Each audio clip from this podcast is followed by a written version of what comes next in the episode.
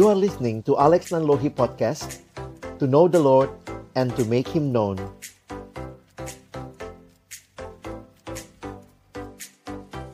Uh, seperti biasa kan dalam rangka sebulan ini 17 Agustus hmm. merayakan kemerdekaan seperti yang Alex bilang kita juga mau terus dengar gitu ya cerita-cerita dari kakak-kakak yang uh, Tuhan pakai secara khusus uh, mungkin harus keluar dari kota besar gitu ya kan mungkin oke kita di Jakarta gitu kan mungkin dream job banget gitu ya di kota gitu. Terus uh, kerja di ibu kota bahkan mungkin banyak orang uh, ngerantaunya ke ke Jakarta gitu kali ya bang ya iya iya.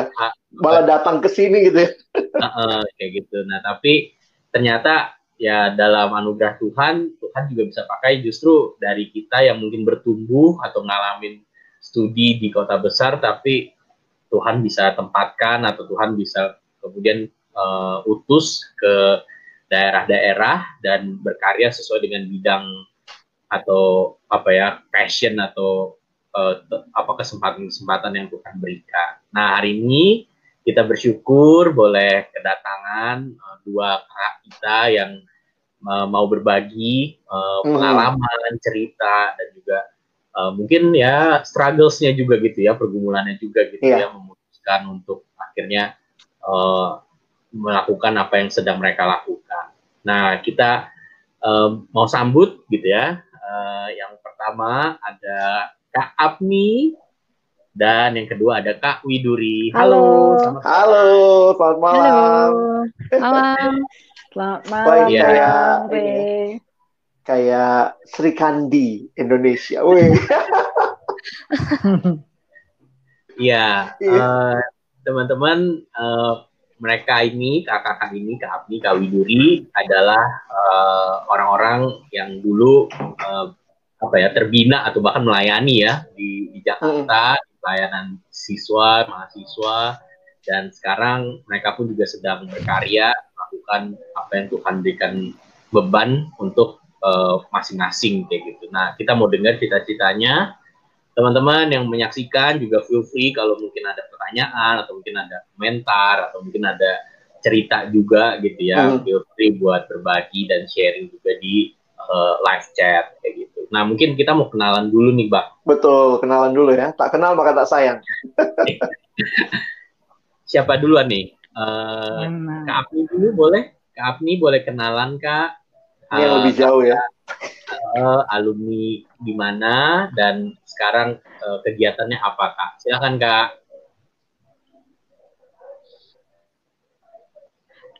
Iya, kenalkan saya Abmaho Uh, saya dulu uh, beker kuliah di Fakultas Ekonomi jurusan Manajemen SDM Universitas Bung Karno. Itu ada di Cikini. Hmm. Um, sekarang saya ada di Pematang Siantar, Sumatera Utara.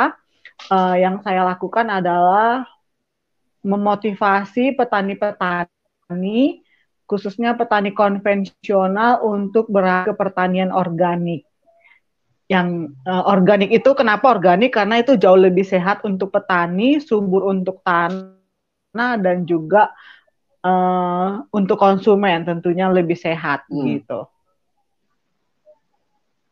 Jadi saya berkecimpung di pertanian organik dan juga produk olahannya. Itu sih yang wow. saya lakukan sekarang ini di Pematang Siantar, Sumatera Utara. Oke, terima kasih Kak Apni buat sharing singkatnya. Ini kelihatan banget ya Bang ya dari Ciantar. Mungkin sinyalnya nggak Sama-sama. Uh, nah, selanjutnya kita mau kenalan juga Nggak nih. jelas ya? Jelas, jelas. Cukup coba. jelas. Cuma ada delay. Ada delay. Delaynya agak lama. Jadi uh, nggak apa-apa kita, uh, oh, kita gitu. nanti akan ya. Oke, uh, selanjutnya uh, Kak Widuri boleh sharing uh, Kak kenalan uh, kakak alumni mana terus sekarang kegiatannya apa Kak silakan. Oke, okay. thank you Bang Ray. Uh, halo, aku Widuri. Dulu aku uh, alumni dari uh, FMIPA UI 2011 Nah, uh, tadi Bang ya. Iya benar-benar MIPA juga. tadi Bang Alex uh, bilangnya uh, meninggalkan Jakarta begitu. Kebetulan sekarang aku masih di Jakarta. aku ngajar di salah satu sekolah di daerah Tebet. Gitu sambil hmm. uh, menyelesaikan kuliah S2. Gitu. S2 S2 apa nih Kak Widuri? Pendidikan. Oh. Iya. Uh, nah kita uh, mau denger kali ya cerita-cerita mm -hmm. mereka ya Bang Alex. Uh, Bang Alex dulu mungkin mau nanya siapa nih? Ya kalau aku bersyukur ya Ray karena kenal dua-duanya dan tahu paling tidak kenal mereka dari masih mahasiswa ya. Kalau Widuri dari siswa bahkan. dan melihat bagaimana cara Tuhan membentuk begitu ya dan juga membangun kehidupan teman-teman ini. Mungkin yang saya pengen gali kali ya malam hari ini dari Kak Apni dulu ya. Kalau boleh cerita nggak, Apni uh, dulu kan sudah sempat di Jakarta, udah sempat kerja, lalu apa sih yang memotivasi kok akhirnya? Karena title-nya menarik nih, pernah jadi duta petani muda ya itu kan ya Ella udah kuliah S1 pasti mikirnya ngapain lu jadi petani? Ngapain jadi petani? Gitu ya. Lalu kemudian akhirnya mesti pulang ke Siantar. Boleh cerita nggak sih apa sih yang menggerakkan beban apa yang uh, apa ya yang Abni rasakan sampai akhirnya berkarya seperti sekarang? Silakan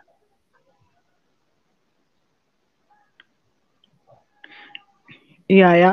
Um, pada dasarnya sih memang aku pendidikannya kan tidak uh, pertanian gitu ya. Tapi uh, sekarang justru berkecimpung di pertanian. Awal diawalin itu melihat um, orang bilang stigmanya petani itu miskin, nggak sejahtera gitu ya.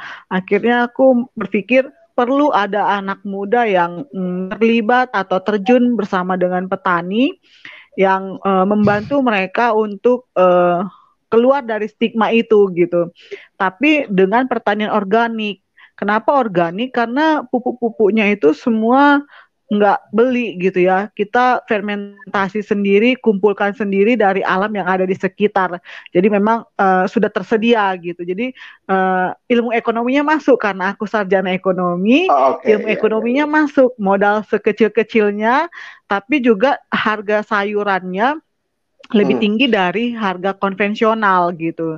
Nah, dengan begitu akhirnya stigma tadi yang miskin tidak sejahtera itu bisa tidak terbukti dengan pertanian organik gitu. Jadi memang uh, diawalin karena melihat kondisi seperti itu. Di Jawa petani-petaninya sudah menurut aku sih sudah sejahtera gitu ya di beberapa tempat begitu. Nah, karena melakukan hal yang sama, mereka memperlakukan uh, lahannya pertanian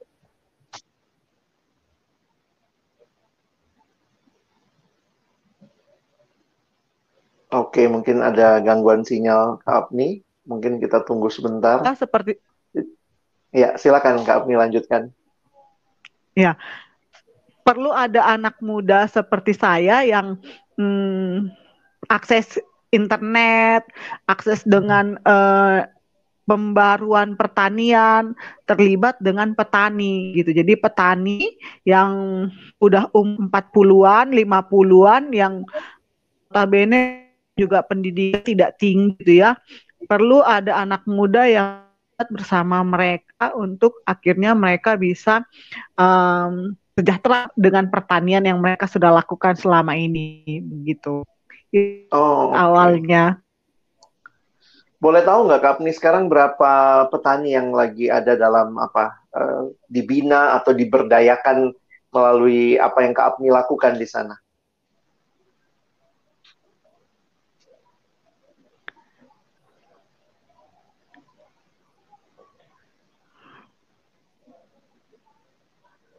Mungkin Kak Apni bisa dengar Sekarang berapa ini banyak? ada empat hmm. orang, tapi um, hmm. saya juga lagi mencoba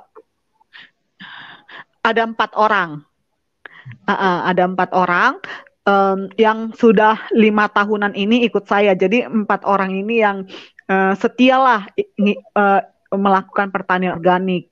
Uh, ada beberapa mungkin yang ikut setengah jalan, tapi nanti dia uh, apa namanya um, merasa capek, repot dengan pertanian organik, akhirnya kembali lagi ke pertanian konvensional dan itu menurutku pilihan gitu ya.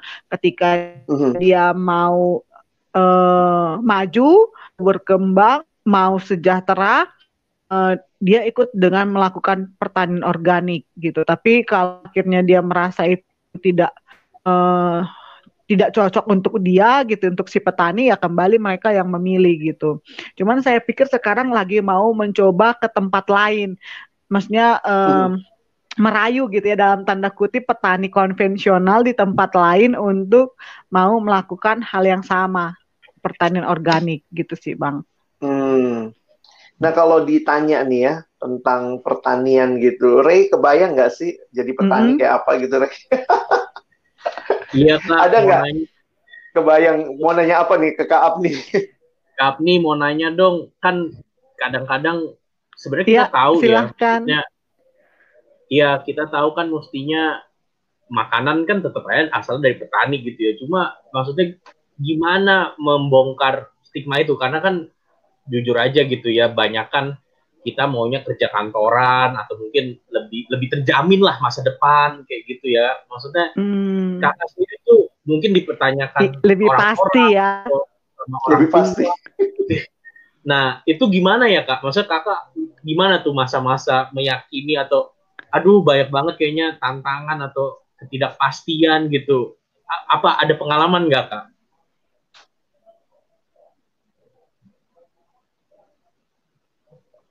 awalnya sih uh, orang-orang nggak nggak yakin gitu bener nggak sih anak ini mau jadi petani gitu ya tampak nggak ya. punya ya. gitu Termasuk kan aku ya. terus mm, uh, jadi memang ya aku awalnya itu sewa lahan di sekitar petani gitu ya. Terus karena tenaga aku nggak nggak bisa sebesar mereka gitu, aku uh, sewa jasa petani gitu untuk uh, membantu di lahan yang aku sewa. Tapi dia mengikuti instruksiku gitu. Jadi misalnya membuat hmm. bedengan sesuai dengan standar uh, organ eh, pertanian organik gitu kan. Terus juga bagaimana melakukan pengolahan lahan, penanaman, bagaimana peliharaan, bagaimana panen. Nah, mereka lihat yang aku lakukan gitu. Kemudian eh, biasanya aku sewa di satu tempat itu sekitar satu tahun gitu. Nah pada dasarnya kan memang bukan aku yang mau jadi petaninya, tapi eh, kalau cuma ngomong-ngomong aja nggak ada bukti, mereka nggak percaya. Makanya aku hmm. harus buktikan gitu bahwa uh, lewat pertanian organik itu bisa kok berhasil. Dan mereka lihat ini si Apni ini kok setiap minggu bisa panen. Dan setiap hmm. minggu bisa menghasilkan uang gitu. Dia jual sayurnya bisa setiap minggu gitu. Nah aku aku kasih tahu nah bagaimana kalau bapak ibu e, melakukan hal yang sama di lahannya? Gitu jadi dimotivasi dirayu dari mereka sudah lihat gitu kan kemudian hmm, kasih waktu untuk mereka mikirkan gitu tapi Uh, kembali keputusan di tangan mereka. Jadi hal yang sama ini aku lakukan di tiga tempat. Jadi tempat yang hmm. pertama dan ke tempat yang kedua misi gagal. Setelah aku sewa satu tahun, terus uh, rayu mereka, motivasi mereka untuk beralih, ternyata nggak mau di tempat hmm. kedua juga gitu, sewa lagi satu tahun. Jadi udah selesai sewa pertama di tempat pertama satu tahun, sewa lagi di tempat yang kedua satu tahun. Gunakan juga lagi jasa mereka, sosialisasi dengan mereka. Tapi ketika dirayu, dimotivasi, nggak ada yang mau beralih, ya udah aku nggak akan bertahan di tempat itu gitu. Pindah lagi yang lain. Karena memang uh, petaninya yang aku mau uh, uh, apa namanya mau beralih ke pertanian organik gitu. Bukan akunya yang melakukan. Adanya kerjasama petani sebagai produk aku yang membantu uh, secara manajemen dan juga pemasarannya dan juga akhirnya memutuskan rantai dengan uh, penampung atau uh, kayak tengkulak. Jadi kami memang jualan hmm. online. Nah, di tempat ketiga inilah di tahun ketiga baru ada yang berhasil yang berhasil hmm. ikut omongan Abni Nebaho gitu. Jadi memang akhirnya dia sendiri yang datang. Abni ajarin aku lah bertani organik di lahanku gitu. Terus dia dia mau, kemudian aku ajarin dan itu free gitu. Nanti uh, dia yang memproduksi, aku yang membantu memasarkan sayur-sayurnya. Kan kan nggak fair juga nggak kalau aku ajak dia bertani organik tapi pasarnya. Jadi memang uh, adalah juga lain juga uh, dan juga memanajemen uh, taniannya sesuai dengan pertanian organik gitu. Jadi akhirnya lewat satu orang ibu ini di tempat yang ketiga di tahun ketiga baru ada yang mau ikut gitu. Jadi memang dari 2015 lah uh, uh, aku ada di tempat yang sekarang sampai sekarang di Blok Songo, Desa Silau Malaha, Kabupaten Simalungun, gitu. Awalnya sih seperti itu. Wow. Jadi uh, berjuangnya tiga tahun baru ada yang mau ngikut omongan seorang Apni Nebaho. Tiga tahun setelah lihat bukti nyata ya, jadi bukan cuma rayuan Apni Nebaho ya, tapi memang melihat ada buktinya iya. gitu ya. iya. Iya, iya. Oke. Okay seneng banget bisa dengar uh, kesaksian Apni. Hmm. juga aku termasuk orang yang tahu juga ketika dia mau beralih mau pulang lalu mesti belajar pertanian sempat kepikir nih ngapain sih? gitu ya. Takutnya nggak betah di sana tapi ya itu cara Tuhan buat Apni ya. Gimana Rey? Kita mau dengar cerita dari Widuri kali ya. Hmm. oke nah ini kalau uh, Kak Apni di uh, Siantar nah hmm. kalau Widuri ini di iya jauh di lawannya gitu ya barat ke timur kayak gitu. Nah buat teman-teman yang mungkin uh, uh, belum tahu gitu ya tadi Kak Widuri soal belum sempat sebut juga gitu ya. Kak Widuri punya cerita sendiri juga nih. Nah iya. Kak Widuri uh, gimana ceritanya? Karena Kak Widuri adalah salah seorang pengajar yang memutuskan untuk pergi ke uh, Papua ya. Itu uh, sampai di titik itu tuh gimana ceritanya, terus mungkin uh, di kota apa gitu dan seperti apa ceritanya. Silakan Kak Widuri. Oke, okay, thank you Bang Rey. Jadi kalau mau ceritain dari awal bakal panjang banget. Jadi uh, kalau sampai akhirnya memutuskan Papua itu juga apa doinya lumayan panjang. Jadi uh, dari Desember 2014 lah itu uh, mulai mikirin tuh uh, habis lulus mau ke mana, mau ngapain gitu kan masa-masa kritis lah katanya. Terus uh, masuk 2015 kan, masuk 2015. Nah di situ juga belum uh, awal-awal Januari gitu, awal tahun belum langsung dapat gitu pas doain. Dan aku dapatnya pertama kali bidangnya, jadi uh, apa merasa apa gelisah lah gitu ngelihat pendidikan di Indonesia begitu. Belum belum spesifik Papua. Kemudian mulai doain lah uh, di mana gitu, di mana Nah, uh, baca-baca banyak baca, kemudian uh, ngobrol-ngobrol itu tentang pendidikan di Papua. Nah, bagi aku anak matematika waktu itu uh, apa namanya uh, stigma ya, ya, bisa disebut stigma Papua yang kaya tapi miskin itu nggak nggak logis menurutku, nggak make sense gimana lu kaya tapi miskin gitu. Jadi uh, di situlah mulai uh, tambah gelisah kan, maksudnya mulai meyakini bahwa uh, Tuhan panggil di Papua begitu. Nah waktu itu juga uh, tahun 2015 kan, 2015 lulus itu juga aku langsung ke Papua gitu. Aku uh, yakin pendidikan, yakin Papua, tapi nggak yakin sama izin orang tua. Jadi ya udah tahan-tahan lah. Ini kalau habis lulus langsung ke Papua bisa dipecat jadi anak lah gitu kan. Jadi uh, ntar dulu gitu kan. Maksudnya duh kayaknya nggak bisa ke Papua gitu. Maksudnya aku sadar itulah. Eh ternyata dengan caranya Tuhan, Tuhan yang bawa hmm. anak-anak Papua itu ke Jawa gitu. Jadi ada satu sekolah di daerah Sentul yang untuk anak-anak Papua uh, dan lagi buka lowongan begitu. Kemudian aku daftarlah di situ tahun 2015. Setahun di sana kemudian adalah beberapa prinsip yang uh, menggangguku. Kemudian aku akhirnya resign dan uh, melamarlah di salah satu sekolah di Sentani. Sentani itu masih kota lah gitu, masih kabupatennya begitu.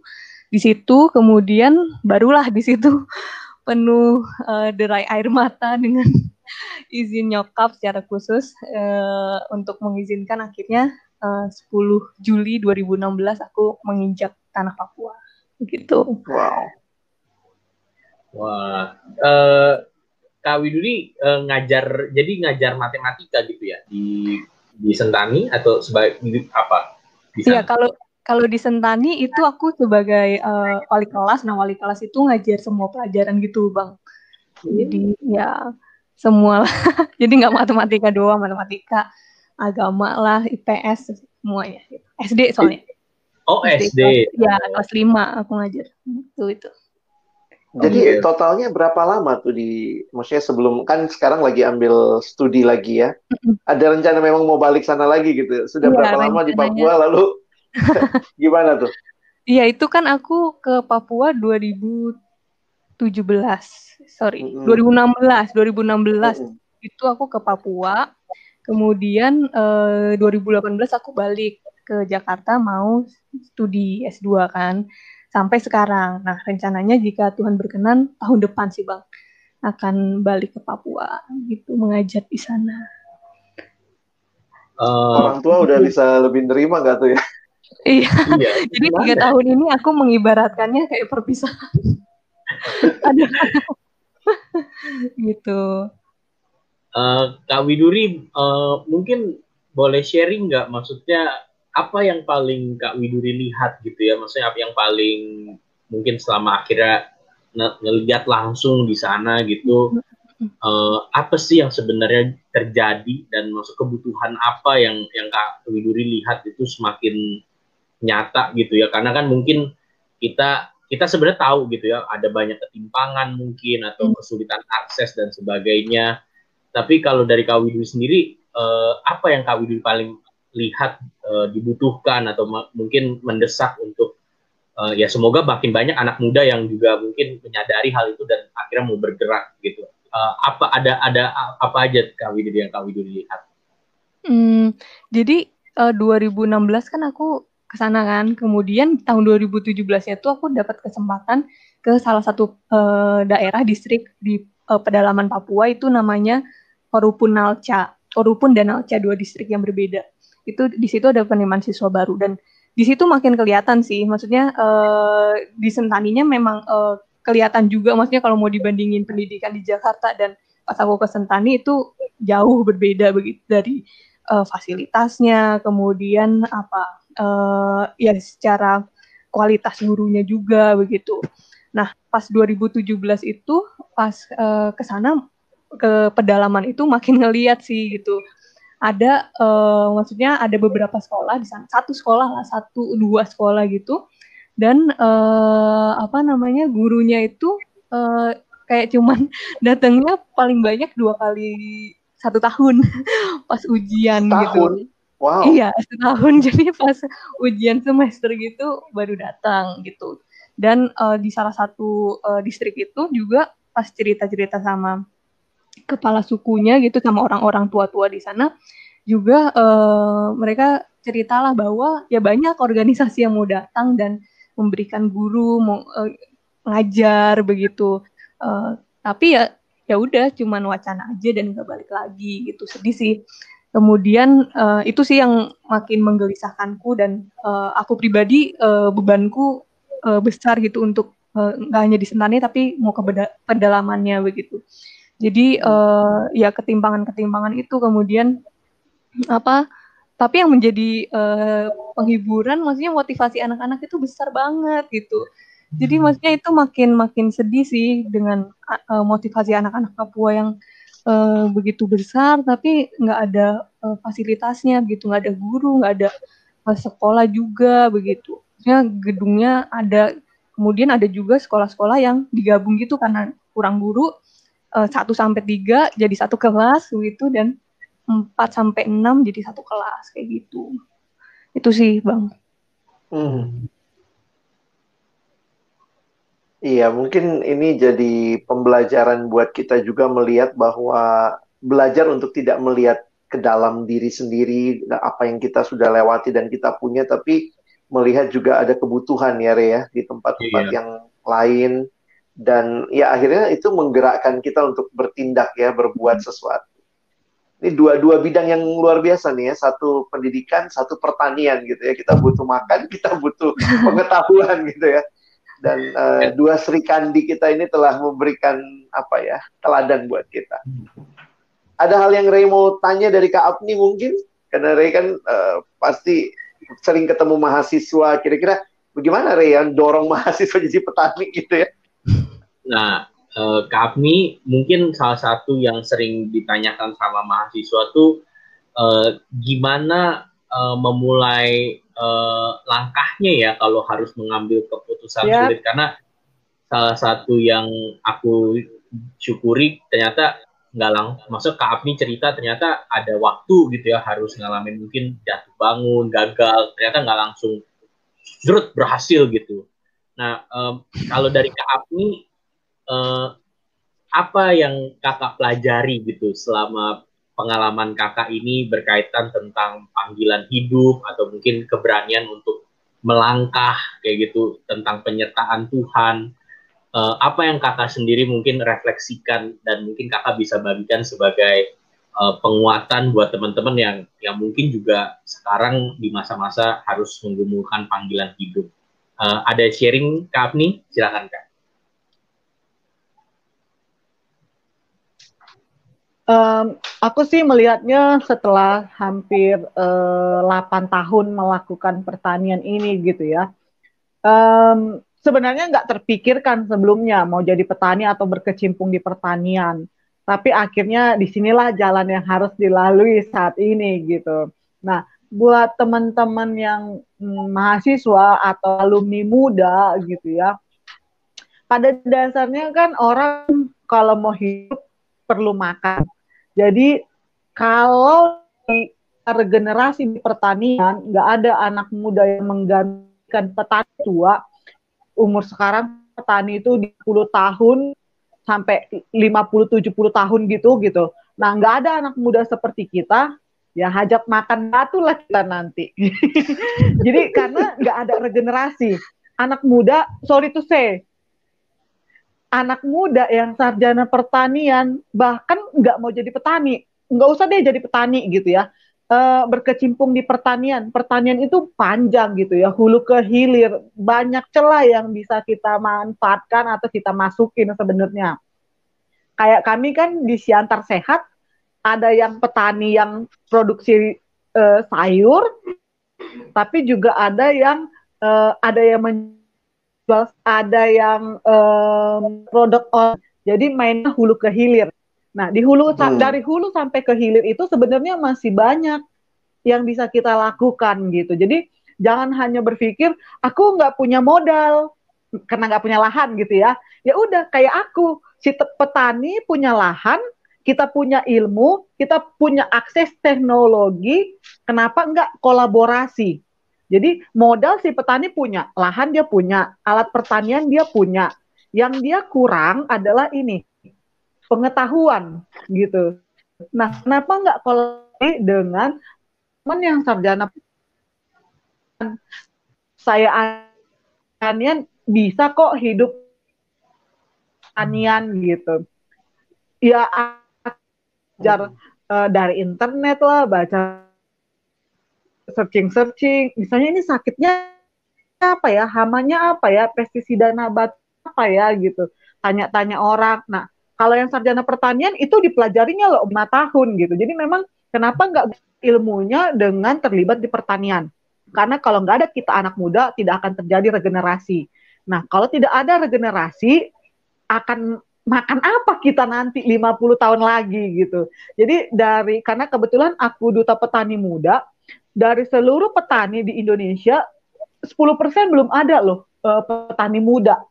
Gitu. Jadi kalaulah bisa nanti ada masa yang kita ini eh, eh, apa namanya eh, jarang, maksudnya udah petani tuanya udah mau uzur gitu ya, udah mau meninggal, terus petani mudanya masih harus belajar lagi gitu.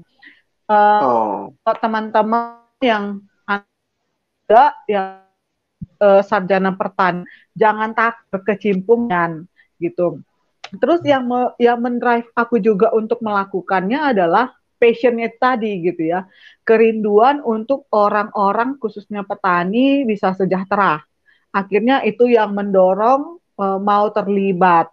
Nah, akhir di tengah perjalanan setelah melakukan mikir, oh ternyata masih dari sayuran bisa loh dibuat jadi mie, dari sayuran bisa loh jadi bolu, dari sayuran bisa loh jadi nugget, jadi pewarna um, apa namanya stik sayur, ada macam-macam. Jadi kami pun sudah macam-macam produk olahannya gitu. Jadi hmm. di tengah perjalanan karena kita punya ilmu, kita bisa gampang mengakses tinggal searching aja dari Google, dari YouTube, kira-kira apa lagi ya yang bisa dibuat dari sayuran gitu ya. Uh, itu kita bisa, tapi petani belum tentu karena mereka nggak punya pendidikan. Tapi ketika kolaborasi dan kita ajarin, daripada sayur buang percuma, nggak layak jual, tapi ada daunnya yang bisa dipakai, kan, tapi dijual itu nggak memungkinkan. Ya kita lah jadi produk olahan, ada nilai tambah tadinya satu kangkung satu ikat kangkung hanya dihargai lima eh, enam ribu gitu ya. Tapi kalau sudah jadi bolu bisa jadi lima puluh ribu. Kan hmm. jadi berlipat-lipat gitu. E, si petani pun bertambah pemasukannya. Ilmunya juga dia akhirnya bertambah gitu. Akhirnya dia punya kepercayaan diri.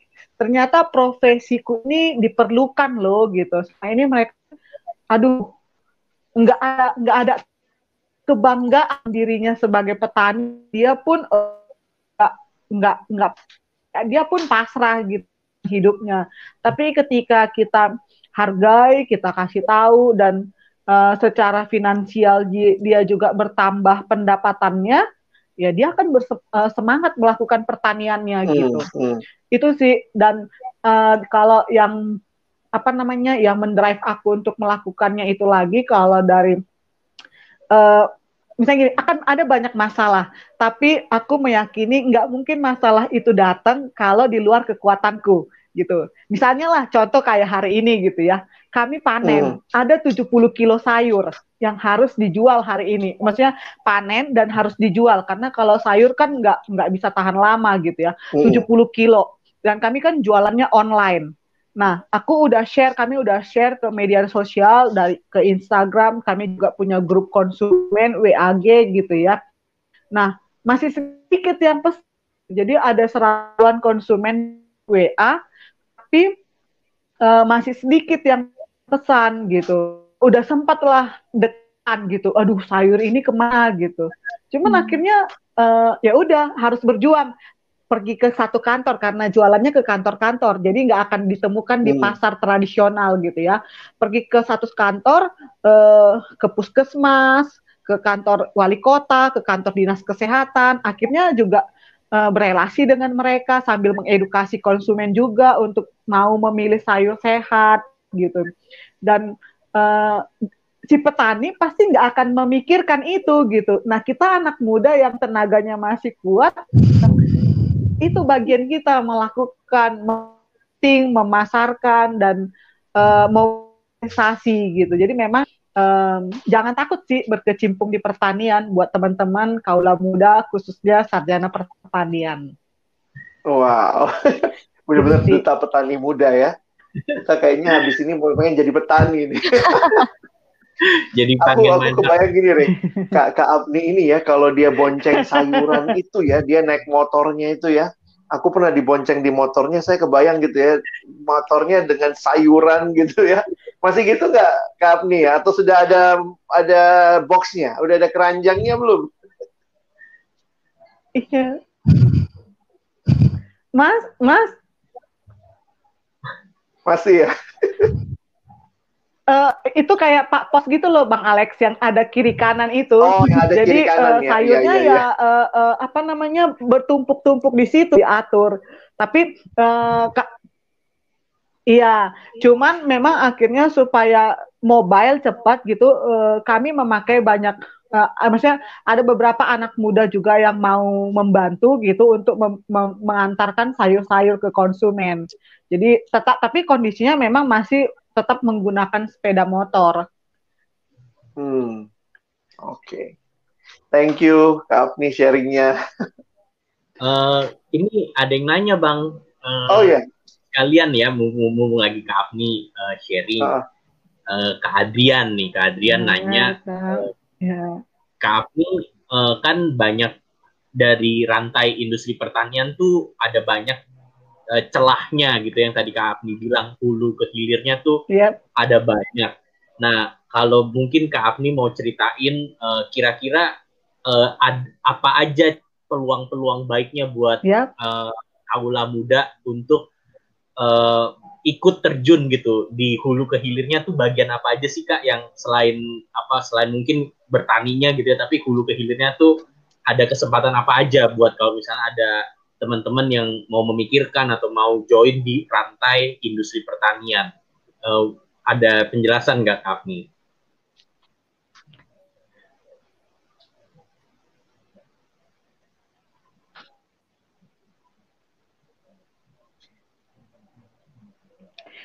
Kalau di awalin misalnya gini ya si petani sebagai pusing memproduksi produknya, sarannya atau secara baik gitu ya. Mereka hanya pusing di produksi. Nah, bagian kita membantu mereka memasarkan gitu. Cuman memang um, apa namanya kayak yang kami lakukan gitu ya membeli dari petani. Jadi kayak ini sebenarnya kita pengganti penampungnya, pengganti tengkulaknya hmm. gitu ya. Tapi menghargai mereka dengan harga yang wajar gitu. Jadi kalau misalnya sebelum dengan saya petani misalnya menjual kangkung atau sawi paling mahal eh, 2000 atau bisa juga 5000 itu tergantung pasar gitu ya. Nggak stabil. Hmm. tapi juga bisa 500 rupiah. Jadi oh. sebelum lebaran ini eh, satu kilo sawi hanya dihargai 500 rupiah gitu. Padahal yang setiap bulan setiap hari capek dalam satu bulan itu si petani gitu. Tapi cuma 500 rupiah dihargai. Nah bagian kita bisa membantu mereka memasarkan kita punya banyak koneksi, kita bisa berjejaring gitu. Nah, biarkan mereka pusing memproduksi, kita membantu memasarkan, menjualkan hasil taninya. Tapi belilah dengan harga yang wajar, gitu. Hmm. Bahkan kalau kayak tidak tidak lebih tinggi, satu kilo kangkung bisa hargain 8 ribu, gitu. Yang uh, itu udah jauh lebih besar gitu dibandingkan harga pasaran tradisional dan bisa dibilang untuk di Siantar belum banyak yang bertanam sayur secara organik. Nah, bisa kita bantu pasarnya, kemudian juga uh, akses teknologinya gitu kan. Misalnya sekarang orang udah uh, apa namanya udah pakai online. Nah, kita bisa ciptakan uh, uh, misalnya kayak di Play Store uh, khusus untuk jualan sayur sehat gitu. Uh, buat teman-teman yang IT bisa main di sana gitu. Kemudian juga bisa diproduksi olahan buat teman-teman yang uh, suka masak memasak atau tataga gitu. Dari sayuran ba ada banyak produk olahan yang bisa kita ciptakan hmm. gitu. Bisa juga uh, dikreasikan macam-macam dan uh, mikirnya juga online gitu. Jadi memang akhirnya uh, bisa dijangkau ke banyak tempat. Jadi sebenarnya tergantung apa atau di bagian mana passion kita gitu. Dan kalau hmm. sudah lutin dengan sungguh akan ada kok ide-ide muncul, ide brilian yang muncul. Bagaimana akhirnya kita bisa mengisi dari hulu itu tadi. Wow, thank you nih. Jadi ilmu pemasarannya dapat juga kita hari malam ini ya. Jadi sebenarnya intinya teman-teman atau abang kakak semua yang nonton sebenarnya dengan semua ilmu kita kita bisa adjust gitu ya. Kita bisa uh, coba pikirkan dengan uh, passion kita atau dengan modal ilmu kita untuk uh, 75 tahun Indonesia merdeka dan uh, apa punya ketahanan pangan yang baik gitu ya. Wah. Udah udah 75 tahun kita benar, merdeka dan benar. ya kita bisa punya sustainable apa iya. pertanian yang bisa pertanian. buat orang banyak kayak gitu. Uh, terima kasih. Aku jadi pengen pengen nanya lagi nih ke Widuri nih.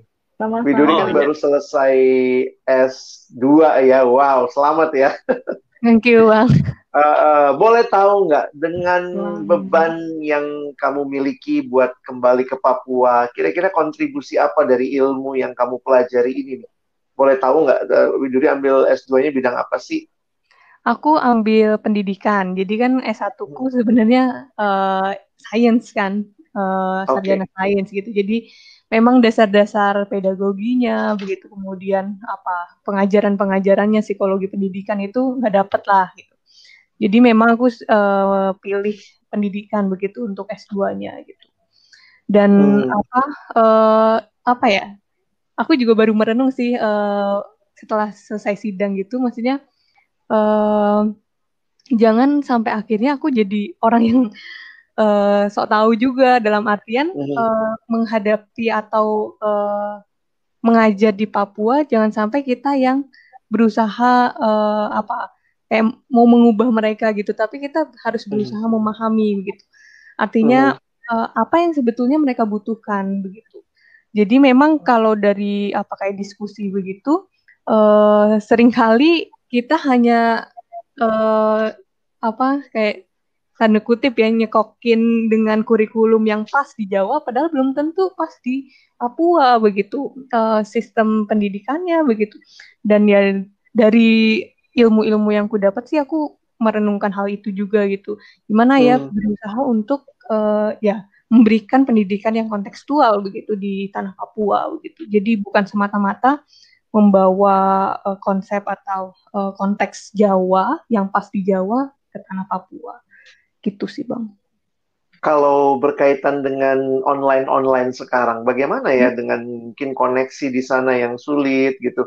Uh, Kak Widuri dengar apa nih tentang pendidikan apakah berjalan hmm. atau tidak apa struggle-nya gitu dan maksudnya mungkin juga gitu ya apa yang dibutuhkan? Jangan-jangan teman-teman yang IT bisa bisa berjuang ke sana juga ya waktu memajukan uh, memajukan internet misalnya di sana ternyata itu juga nolong untuk pendidikan ya. Gimana Kak Kak Widuri yeah. ngelihatnya dalam situasi pandemi? Uh, terakhir pas ngobrol sama teman begitu ta, uh, bulan awal-awal pandemi kemarin hmm. itu di uh, salah satu daerah begitu di sana itu yang mereka diliburkan aja bang jadi benar-benar okay. anak-anak nggak tahu apa yang terjadi begitu dan orang-orang banyak orang tua di sana dan uh, apa kayak internet belum mengerti internet begitu maksudnya nggak uh, dapat info dari uh, apa namanya media sosial segala macam nggak dikasih tahu juga bahwa ini uh, diliburkan tanda kutip karena pandemi gitu. Nah itu hmm. yang yang nggak nyampe sih ada beberapa daerah begitu. Dan nah untuk beberapa daerah kayak uh, apa di pedalaman secara khusus itu kan daerah hijau ya, nggak maksudnya belum hmm. ada beberapa daerah yang emang belum uh, ada yang positif COVID. Hmm. Rencananya akan tetap jalan begitu, tapi memang uh, tetap di himbau maksudnya untuk memikirkan protapnya bagaimana gitu supaya uh, jangan sampai ada yang kena juga gitu di daerah sana gitu. Kalau di sekolahku yang lama di Sentani mereka udah pakai ini sih platform yang uh, Google Classroom gitu. Tapi okay. uh, aku kurang tahu kalau yang sekolah-sekolah negeri begitu yang punya yayasan Kristen itu uh, aku uh, tahu entah antara sama diliburkan begitu tanpa ada ya bimbingan atau bagaimana dan itu saya pikir tantangan untuk kita berpikir keras juga ya bagaimana memajukan. Mungkin kalau kayak sekarang di di Jawa ya santai aja semua berjalan. Walaupun banyak yang ngeluh-ngeluh-ngeluh tapi ya akhirnya belajar daring juga. Orang tua akhirnya uh, nolong anak gitu. Tapi ya bagaimana dengan tempat-tempat yang internet aja bahkan nggak ada begitu ya dan sinyalnya iya. susah gitu.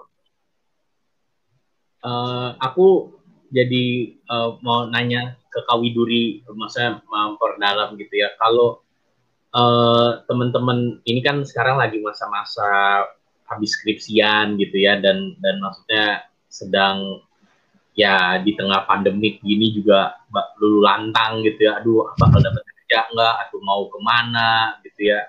uh, banyak ketidakpastian atau mungkin banyak ketidakjelasan uh, boro-boro ngomongin aduh mencari info kadang-kadang udah keburu lumpuh dan sebagainya. Nah, hmm. kalau dari pengalaman Kak Widuri gitu ya, uh, waktu Kak Widuri menghadapi ketidakjelasan atau mungkin kalau boleh ingat gitu ya pertama kali datang uh, sendirian gitu, apa pengalaman kakak gitu? Apa apa yang Kak Widuri paling pelajari dan siapa tahu itu juga bisa menjadi prinsip yang kita boleh pegang gitu ya di tengah mungkin masih hmm. harus bergumul ke depan. Apa pengalaman uh, rohani kakak lah gitu. Hmm. Tuhan mungkin mencukupkan atau Tuhan mungkin membuka jalan yang yang kakak mungkin ingat gitu ya sampai sekarang jadi reminder buat kakak juga terus melangkah. Ada ada cerita Kak Widuri? Oke, okay. uh, eh, aku ralat dulu. Aku nggak sendiri, nah. ibuku nganter loh sampai ke Papua. Oh, Oke, okay. itu luar biasa berarti. Ya. Dukungan itu, itu dukungan dong ya. Iya, itu salah satu jawaban doa juga sih. Oke, okay, iya. Uh, jadi tuh waktu aku uh, itu kan 2015 ya balik lagi nih itu uh, aku udah mulai ngajar kemudian waktu itu ada KNPS tuh KNPS hmm. di Jogja ya eh Jogja Camp Nasional Pembimbing iya, Siswa ya, ya. ya. Hmm. itu uh, di situ aku ketemu sama KDB Bandung tahu nggak KDB okay, Bandung ya, ya. Dulu nah, uh, KDB, ya. ya KDB yang ngenalin aku sama satu kakak yang dia udah 20 tahun di Papua. Jadi oh. uh, misionaris di uh, Mulia nama satu daerahnya namanya Mulia dan uh, aku kontak lah kontak uh, kakak itu kemudian uh, dia cerita-cerita tentang uh, pengalaman di sana begitu uh, dan sebelum akhirnya aku memutuskan untuk meninggalkan Papua aku juga uh, apa namanya AWG di sana di rumahnya maksudnya jadi aku uh, eh, AWG untuk memastikan ini betul nggak ya pergi dari uh, rumah gitu karena selama mm -hmm.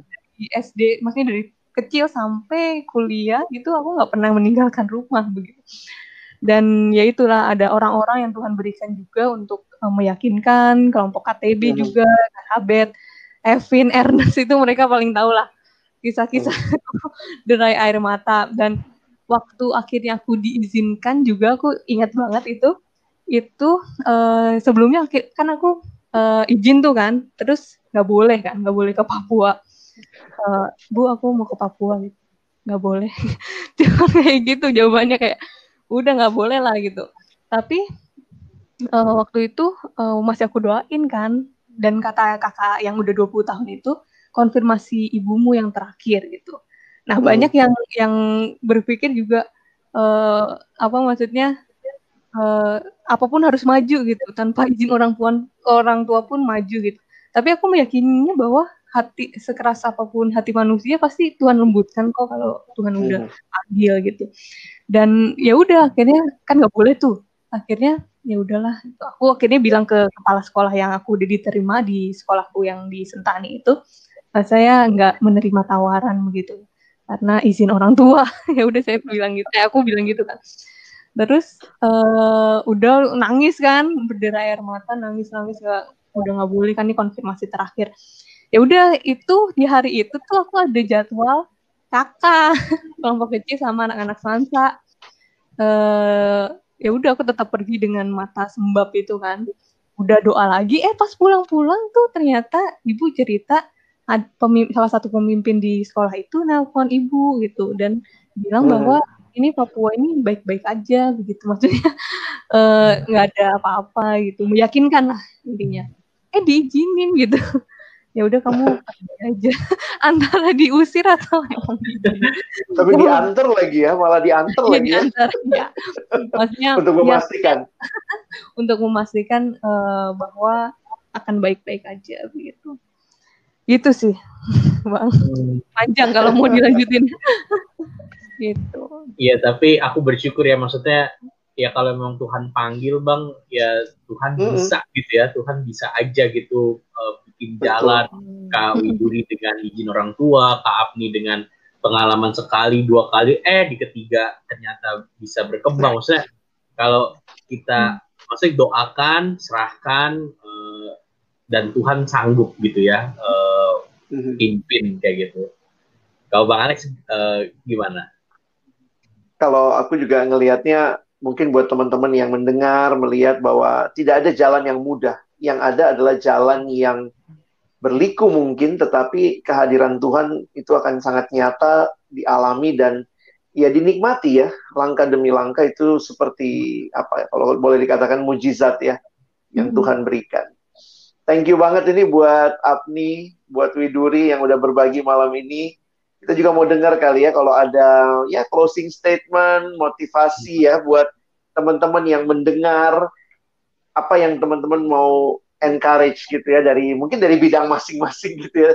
Uh, silakan mungkin dari Kak Apni dulu nih apa yang ingin disampaikan di akhir dari siaran kita malam ini.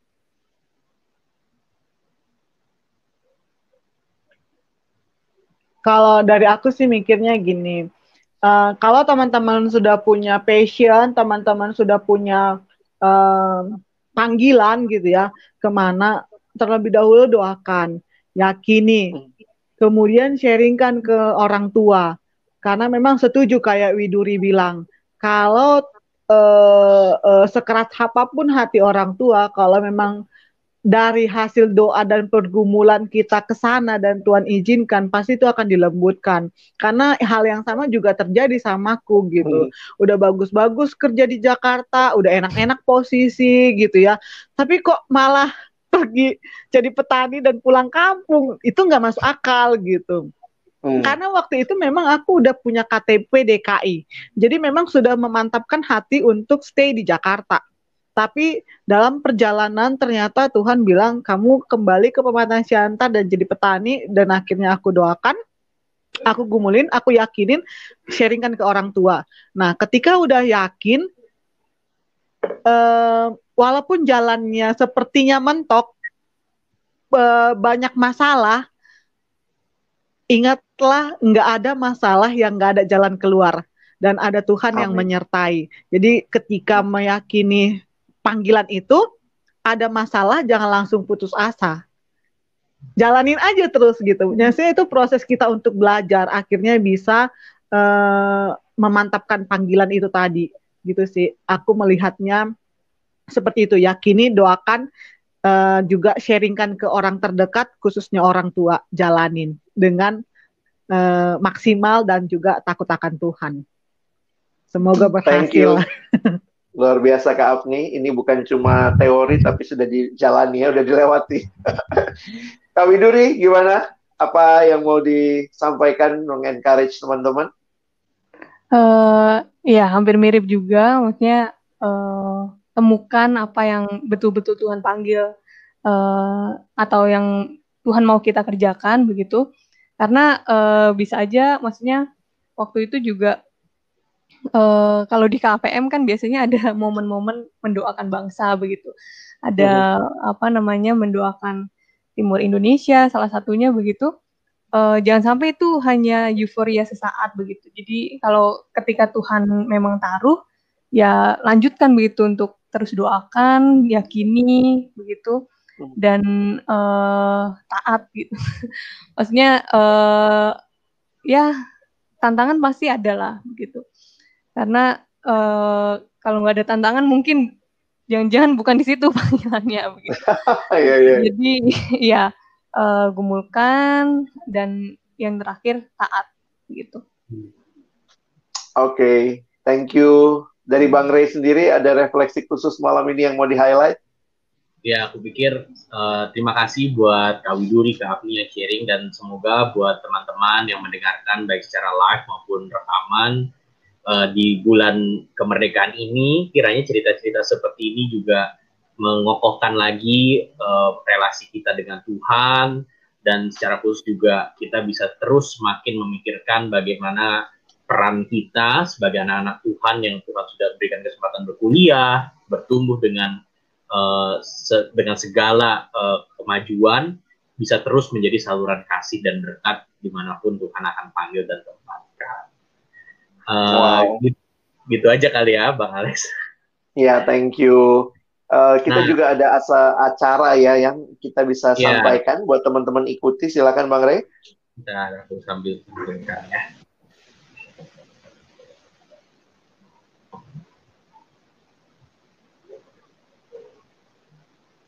Oke, ini Bang, boleh Abang jelasin? Oke, okay, jadi teman-teman dalam akhir uh, minggu ini, jadi tanggal 15 dan 16 Agustus, ada acara dengan judul Bangkit dan Menjadi Terang, kado bagi negeri, kerjasama dari beberapa lembaga, ada Perkantas, ODB, ya, teman-teman bisa ikuti.